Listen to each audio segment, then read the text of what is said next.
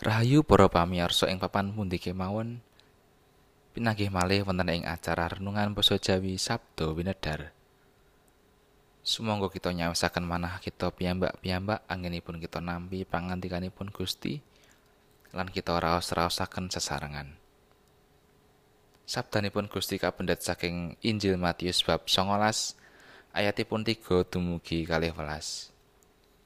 Matius bab 19 ayat 3 dumugi 12. Tumuli ana wong-wong Farisi kang sowan ing ngarsane. Sumedya nyoba panjenengane, ature. Tiang menapa dipun kengingaken megat semahipun awit saking sadengao sebab paring mangsulane Gusti Yesus. Apa kowe ora maca yen kang nitahake manungsa iku wiwit sakawit anggone ndadekake wis arupa lanang lan wadon lan pangantikane. Mulane wong lanang iku kudu ninggal bapa biyunge sarta banjur manunggal karo rabine. Temah loro-lorone dadi daging siji. Mulane wis mari dadi loro mung siji. Awit saka iku apa kang wis katunggalake dening Allah ora kena kapisah dening manungsa? Unjuke wong-wong Farisi mau. Menawi makaten menapa dene Nabi Musa dawuh supados nyukani serat pegat menawi tiyang megat ingkang estri. Gusti Yesus ngendika, "Marga saka wangkoting atimu, Musa ngidini kowe megat bojomu. Nanging wiwitan mula ora mangkono. Malah aku tutur marang kowe, sing sapa megat rabine liyane jalaran saka laku jina lan banjur rabi liyane iku dadi laku bandrek. Para sakabat tumuli padha munjuk.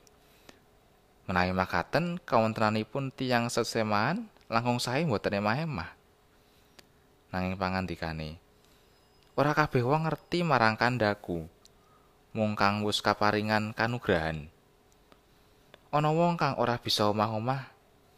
Awit wiwit lair saka ing guwa garbane ibune kaanane wis kaya mangkono lan ana wong kang didadekake mangkono dening wong liya. Lan ana maneh kang gawe awake dhewe mangkono saka karepe dhewe marga saka kratoning swarga sing sapa bisa ngerti supaya mangerti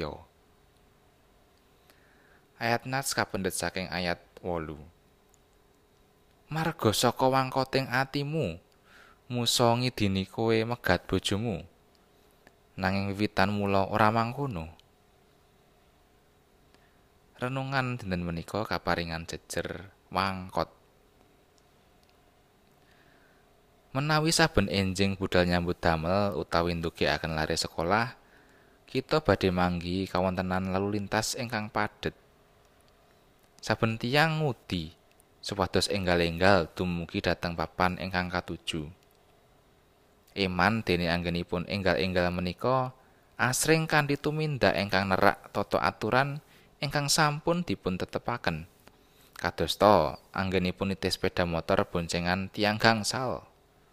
Sepeda motoripun boten ngagem piranti ingkang jangkep.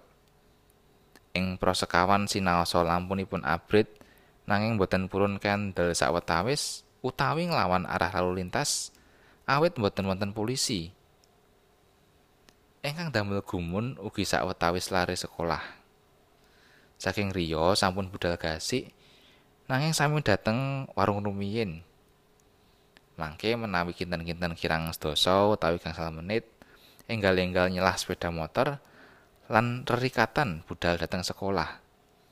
Tiang-tiang menika asring boten saged nrimah menawi dipun emutaken. Mbok menawi boten rumaos. menawi menapa ingkang katindakaken menika saged mbebayani tumrap dirinipun piyambak lan sesami. Piwulangipun Gusti Yesus nedahaken bilih pancen Gusti Allah mboten ngersakaken wonten garwa semah ingkang pegatan. Dene menawi Nabi Musa marangaken pegatan awit kawontenan ingkang mirunggan menika awit saking wangkotipun tiyang Israel. Mila ingkang kedah dipun katosaken boten namung bab pegatan, nanging ugi bab mangkoting manah. Tiang mangkot boten saged nampi pemangging tiang sanes. piyambakipun nganggep bilih pamanggihipun ingkang paling leres.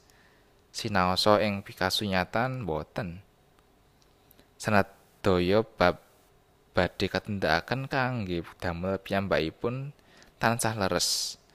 Lan ketingal sae dene tiyang sanes lepat lan awon tumindak ingkang mekaten temtu mbebayani tumraping tiyang sanes lan dirinipun piyambak.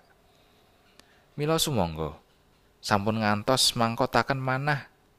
Paling boten supados tingkah kita ingkang mekaten bebayani tumraping tiyang sanes. Amin